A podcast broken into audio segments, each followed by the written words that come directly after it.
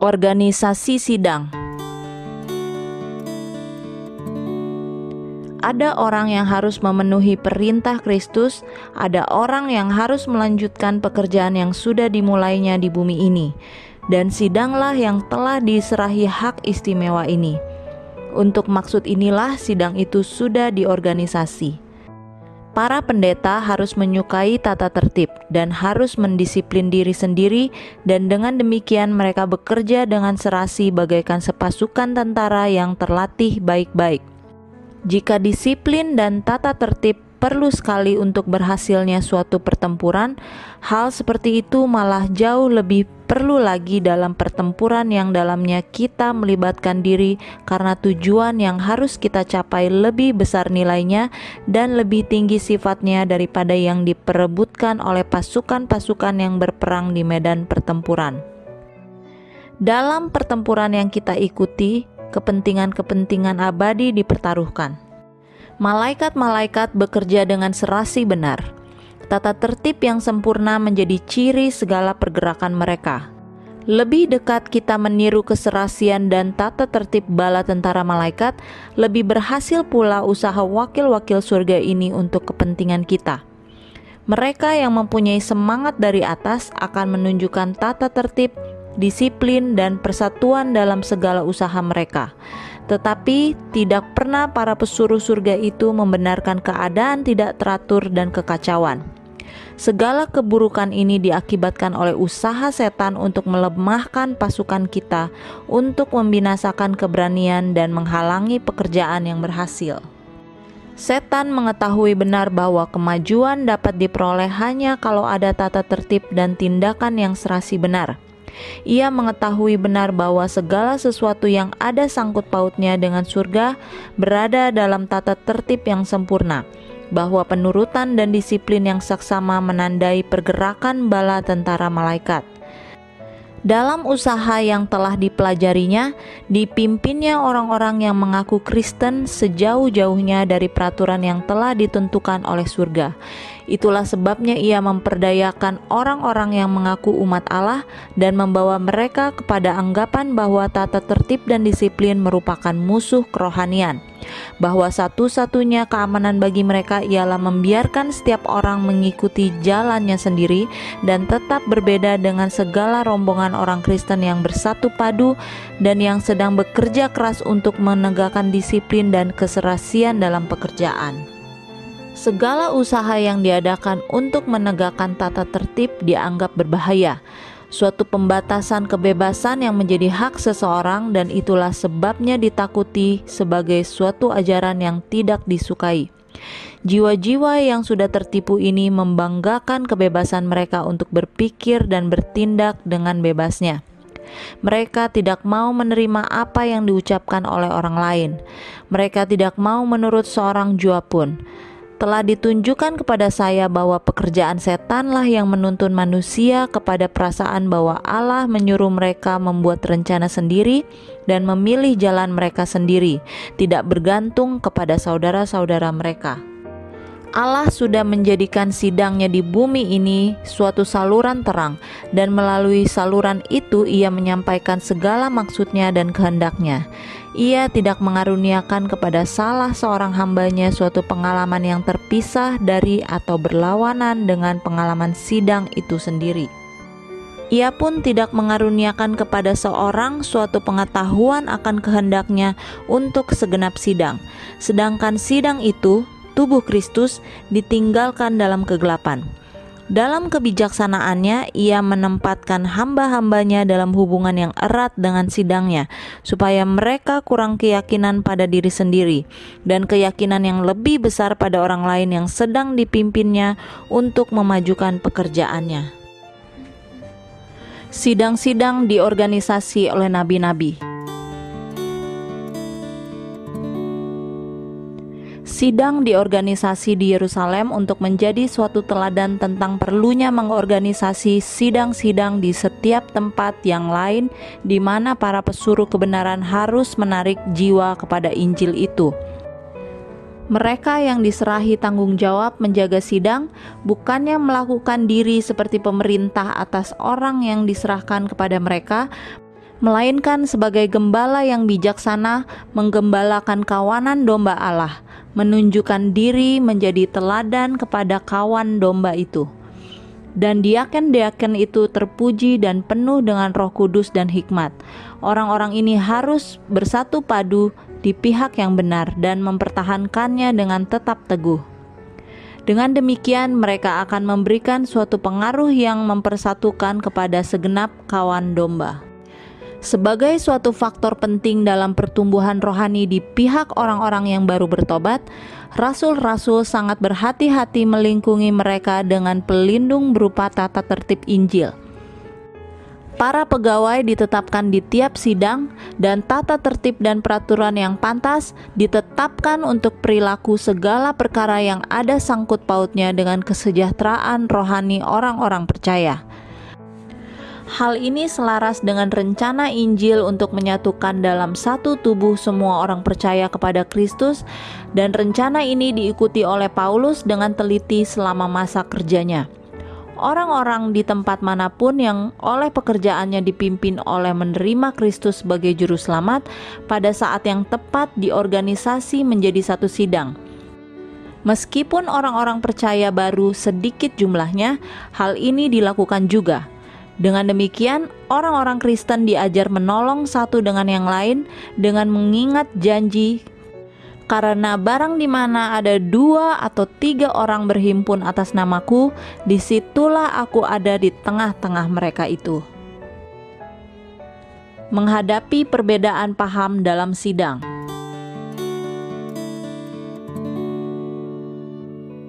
Di Yerusalem, para utusan dari Antioquia menemui saudara-saudara dari berbagai sidang yang telah berhimpun untuk sesuatu rapat umum. Dan kepada merekalah diceritakan tentang kemajuan yang telah diperoleh dalam pekerjaan di kalangan orang kafir. Kemudian mereka menjelaskan kekacauan yang telah terjadi karena orang-orang Farisi yang bertobat telah pergi ke Antioquia dan menegaskan bahwa supaya diselamatkan, orang-orang kafir yang telah bertobat itu harus disunat dan memelihara hukum Musa. Persoalan ini diperbincangkan dengan hangat dalam rapat itu. Roh Suci melihat ada baiknya tidak memaksakan hukum upacara kepada orang-orang kafir yang baru bertobat itu, dan pikiran para rasul mengenai hal ini sama dengan pikiran Roh Allah. Yakub mengetuai rapat itu, dan keputusannya yang terakhir ialah: "Sebab itu, pada pertimbanganku ini, jangan menyusahkan orang yang daripada pihak kafir berpaling kepada Allah." Hal ini mengakhiri perbincangan itu. Pada kesempatan ini, Yakub dipilih untuk mengumumkan keputusan yang dihasilkan oleh majelis. Tetapi orang-orang kafir yang bertobat harus meninggalkan adat istiadat yang tidak sesuai dengan prinsip-prinsip kekristenan. Sebab itu, rasul-rasul dan tua-tua sidang sepakat menasihati orang-orang kafir itu dengan surat agar menjauhkan diri dari makanan yang sudah dipersembahkan kepada berhala, dari zina, dari binatang yang mati darah tertahan, dan dari darah. Mereka diajak memelihara segala hukum Allah dan hidup suci. Mereka harus diberi kepastian bahwa orang-orang yang menegaskan bahwa sunat itu wajib dilakukan, bukannya diberi wewenang oleh rasul-rasul. Majelis yang memutuskan persoalan ini terdiri dari rasul-rasul dan guru-guru yang terkemuka dalam mendirikan gereja-gereja Yahudi dan Kristen kafir, dengan utusan-utusan yang dipilih dari berbagai-bagai tempat. Tua-tua sidang di Yerusalem dan wakil-wakil dari Antioquia hadir, dan sidang-sidang yang paling berpengaruh diwakili. Majelis itu berlangsung sesuai dengan pertimbangan yang diterangi dan dengan keagungan suatu sidang yang didirikan oleh kehendak ilahi. Sebagai hasil perundingan itu, mereka semuanya melihat bahwa Allah sendiri telah menjawab pertanyaan yang dipersoalkan oleh mengaruniakan Roh Suci kepada orang-orang kafir itu, dan mereka menyadari bahwa mereka wajib mengikuti bimbingan Roh. Bukannya segenap orang Kristen dipanggil untuk memungut suara atas persoalan itu, rasul-rasul dan tua-tua, orang-orang yang berpengaruh dan mempunyai pertimbangan sehat, merumuskan dan mengeluarkan perintah yang diterima oleh gereja-gereja Kristen. Tetapi bukannya semua orang senang mendengar keputusan itu. Ada golongan yang ingin mencari nama dan percaya pada diri sendiri yang tidak menyetujuinya. Orang-orang ini melibatkan diri dalam pekerjaan atas tanggung jawab mereka sendiri. Mereka banyak bersungut dan mencari kesalahan, menganjurkan rencana-rencana yang baru, dan berusaha merubuhkan pekerjaan orang-orang yang telah ditentukan Allah untuk mengajarkan pekabaran Injil. Sejak mulanya, sidang itu mengalaminya sampai akhir zaman. Bahaya menganggap pertimbangan perseorangan sebagai sesuatu yang unggul.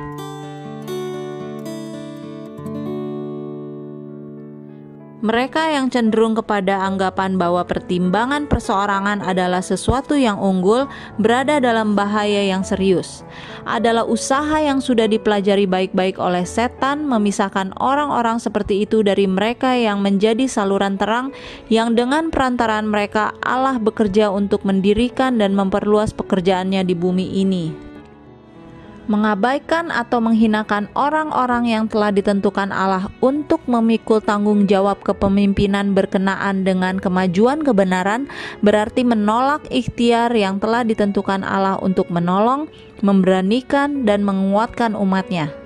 Bagi seorang pengerja dalam pekerjaan Tuhan yang melakukannya saja, dan berpendapat bahwa terangnya harus datang bukannya melalui saluran lain melainkan yang langsung dari Allah, berarti menempatkan dirinya dalam keadaan dapat diperdayakan oleh musuh dan dikalahkan. Tuhan dalam kebijaksanaannya telah mengatur bahwa oleh hubungan erat yang harus dipertahankan oleh semua orang percaya, orang Kristen akan disatukan kepada orang Kristen dan sidang kepada sidang dengan demikian, manusia sebagai alat akan disanggupkan bekerja sama dengan Tuhan. Setiap wakilnya akan tunduk kepada Roh Suci, dan semua orang percaya akan disatukan dalam suatu usaha yang terorganisasi dan dituntun dengan baik, guna memberikan kepada dunia kabar kesukaan tentang rahmat Allah sebagaimana anggota-anggota tubuh manusia yang berbeda-beda itu bersatu membentuk segenap tubuh dan masing-masing melakukan tugasnya untuk mentaati kecerdasan yang mengatur seluruhnya, demikian juga anggota-anggota sidang Kristus harus disatukan dalam satu tubuh yang simetris yang mentaati kecerdasan yang disucikan pemilihan dan pengurapan pegawai-pegawai sidang setempat. Rasul Paulus menulis surat kepada Titus, supaya engkau mengatur apa yang masih perlu diatur, dan supaya engkau menetapkan penatua-penatua di setiap kota, seperti yang telah kupesankan kepadamu, yakni orang-orang yang tak bercacat, yang mempunyai hanya satu istri, yang anak-anaknya hidup beriman dan tidak dapat dituduh karena hidup tidak senonoh atau hidup tidak tertib. Sebab sebagai pengatur rumah Allah, seorang penilik jemaat harus tidak bercacat. Titus 1 ayat 5 sampai 7. Janganlah engkau terburu-buru menumpangkan tangan atas seseorang. 1 Timotius 5 ayat 22. Dalam beberapa sidang kita, pekerjaan mengorganisasi dan pekerjaan mengurapi tua-tua diadakan belum pada waktunya atau terlampau lekas, peraturan kitab suci telah diabaikan, dan sebagai akibatnya kesulitan yang menyedihkan dibawa ke dalam sidang. Jangan hendaknya terlalu tergesa-gesa memilih para pemimpin dan mengurapi orang-orang yang sama sekali belum layak untuk pekerjaan yang penuh tanggung jawab itu, orang-orang yang perlu ditobatkan, ditinggikan derajatnya dan dihaluskan sebelum mereka dapat melayani pekerjaan Allah dalam suatu kedudukan. Milik sidang Bila minat dibangkitkan di suatu kota, minat itu harus diteruskan. Tempat itu harus dikerjakan dengan saksama sampai tempat perbaktian yang sederhana berdiri sebagai tanda, suatu peringatan tentang sabat Allah, suatu terang di tengah kegelapan akhlak. Peringatan ini harus berdiri di banyak tempat sebagai saksi bagi kebenaran. Perkara-perkara yang ada sangkut pautnya dengan sidang hendaknya jangan dibiarkan dalam keadaan yang tidak dibereskan langkah-langkah harus diambil guna memperoleh milik gereja untuk pekerjaan Allah agar pekerjaan itu tidak terhambat dalam perkembangannya dan agar harta yang hendak dipersembahkan oleh orang-orang kepada pekerjaan Allah tidak beralih ke pihak musuh. Saya melihat umat Allah harus bertindak dengan bijaksana tidak membiarkan keadaan yang belum beres di pihak mereka untuk menempatkan urusan sidang dalam keadaan yang aman.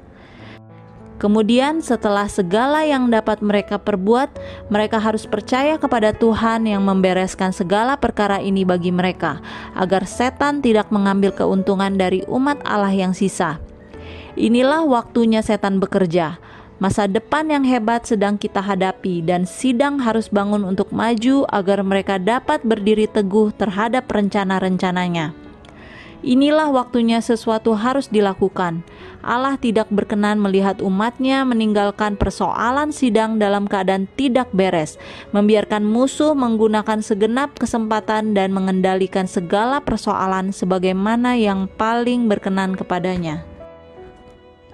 Pertemuan tahunan Adakanlah usaha khusus untuk menghadiri pertemuan umat Allah – Saudara-saudaraku, jauh lebih baik bagimu membiarkan perusahaanmu menderita daripada membiarkan kesempatan untuk mendengar pekabaran Allah bagimu. Jangan memberikan dalih-dalih yang akan menghalangi engkau memperoleh setiap keuntungan rohani yang mungkin didapat. Engkau memerlukan setiap sinar terang. Engkau harus disanggupkan untuk memberikan alasan bagi pengharapan yang ada padamu dengan kerendahan hati dan takut. Jangan hendaknya engkau kehilangan hak istimewa seperti itu. Jangan seorang pun dari kita pergi ke perkemahan atau kumpulan tahunan dengan bergantung kepada para pendeta atau guru Injil untuk menjadikan kumpulan itu suatu berkat bagi kita. Allah tidak menghendaki umatnya menggantungkan beban mereka pada pendeta. Ia tidak menghendaki mereka dilemahkan oleh bergantung kepada sesama manusia untuk mendapat pertolongan. Jangan hendaknya mereka bersandar seperti anak-anak yang tidak berdaya pada orang lain sebagai tiang sandaran. Sebagai seorang pengurus anugerah Allah, setiap anggota sidang harus merasakan tanggung jawab pribadi untuk hidup dan berakar pada diri sendiri. Suksesnya pertemuan itu bergantung kepada hadirat dan kuasa Roh Suci. Untuk kecurahan Roh Sucilah setiap pecinta pekerjaan kebenaran itu harus berdoa dan kita harus berusaha sekuat tenaga untuk menjauhkan setiap penghalang pada pekerjaannya. Roh itu tidak pernah dapat dicurahkan sementara perselisihan dan kepahitan satu sama lain dipelihara dalam hati anggota sidang. Iri hati, kecemburuan, sangka-sangka jahat dan mengatakan yang tidak baik tentang orang lain berasal dari setan, dan segala perkara ini menghambat jalan terhadap pekerjaan Roh Suci. Suatu pun tiada di dunia ini yang lebih berharga bagi Allah seperti sidangnya. Suatu pun tiada yang dijaganya dengan sangat saksama. Suatu pun tiada yang menghina Allah lebih daripada suatu perbuatan yang merusakkan pengaruh orang-orang yang sedang melakukan pekerjaannya. Ia akan meminta pertanggungjawaban dari semua orang yang membantu setan dalam pekerjaannya mengkritik dan mengecewakan orang pendeta melatih berkhotbah. Pada segala waktu engkau harus berhati-hati dalam percakapanmu. Bukankah Allah telah memanggil engkau sebagai wakil Kristus di atas bumi, sebagai gantinya memohonkan orang-orang berdosa untuk mendamaikan dengan Allah? Bila engkau berhenti berbicara di mimbar, pekerjaan itu baru saja mulai engkau tidak dibebaskan tanggung jawab bila sudah di luar kumpulan, tetapi masih harus memelihara pengabdian kepada pekerjaan menyelamatkan jiwa-jiwa. Engkau harus menjadi suatu surat yang hidup, dikenal, dan dibaca oleh semua orang. Jangan membicarakan yang enak-enak saja, jangan memikirkan yang menyenangkan saja. Keselamatan jiwa-jiwa adalah tema yang paling penting kepada pekerjaan inilah pengerja Injil Kristus dipanggil. Ia harus mempertahankan perbuatan yang baik di luar kumpulan dan menghiasi jabatannya dengan percakapan yang saleh dan perilaku yang berhati-hati. Engkau harus menghayati apa yang engkau khotbahkan sebagai kewajiban kepada orang-orang lain dan harus menanggung seperti yang belum pernah engkau lakukan sebelumnya beban pekerjaan itu. Beratnya tanggung jawab yang harus tertanggung ke atas setiap pengerja Kristus. Teguhkanlah pekerjaan yang diberikan di mimbar oleh mengikutinya dengan usaha pribadi. Adakanlah percakapan yang berhati-hati tentang kebenaran zaman ini dengan menetapkan keadaan pikiran orang-orang yang hadir dan dalam takut akan Allah mengaplikasikan dengan praktis kebenaran yang penting kepada keadaan orang-orang yang bergaul dengan engkau.